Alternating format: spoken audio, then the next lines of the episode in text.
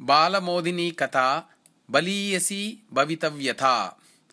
दक्षिणभारते काञ्चीनगरे कश्चन विशालः यज्ञः समायोजितः आसीत्। तस्य प्रवेशद्वारे एकदा कश्चन पारावतः म्लान्मुखः अतिष्ठत्। यज्ञे भागं गृहीतुं श्रीविष्णुना समम् आगतः तन्निकटवर्ती पक्षिराजः गरुडः तं दृष्ट्वा अपृच्छत् भोः पारावत भवतः मुखस्य म्लानतायाः किं कारणम् इति। पारावतः कथितवान् मृत्युदेवता यमराजः किञ्चित् पूर्वम् अत्र यज्ञसभां प्रविशन् ममोपरि वक्रतया दृष्टिपातम् अकरोत्। अतः अद्य मम मृत्युः सुनिश्चितः इति प्रतिभाति इति। तदा सरलहृदयेन गरुडेन निगदितम्।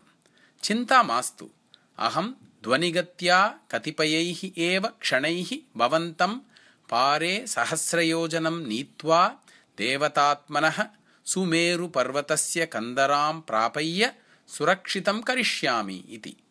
इदं श्रुत्वा कपोतः प्रसन्नमुखः अभवत्।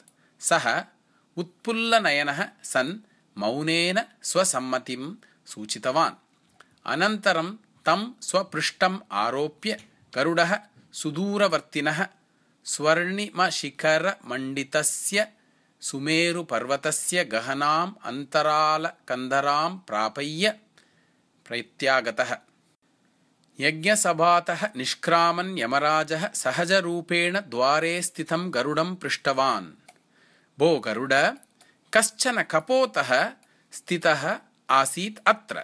इदानीं सः कुत्र गतः इति स्मितमुखः गरुडः अवदत्। भवदीयजिज्ञासायाः कारणं किमस्ति? किम् अधुनैव भवान् तं हन्तुकामः अस्ति? इति। तदा यमराजः अवदत् विधिना पूर्वमेव निर्णीतम् अस्ति।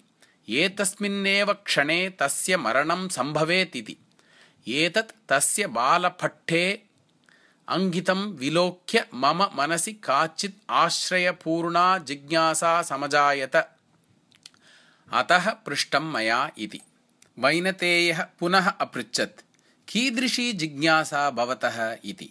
तदा यमः अवदत् तस्य मृत्युः कतिपयक्षणानन्तरं पारे सहस्रयोजनं गहनतमासु सुमेरुकन्दरासु एकेन बिडालेन सम्पादनीयः अस्ति। स च कपोतः अत्र काञ्चीपुरे तिष्ठन् आसीत्। कथमिदं सम्भवेत्?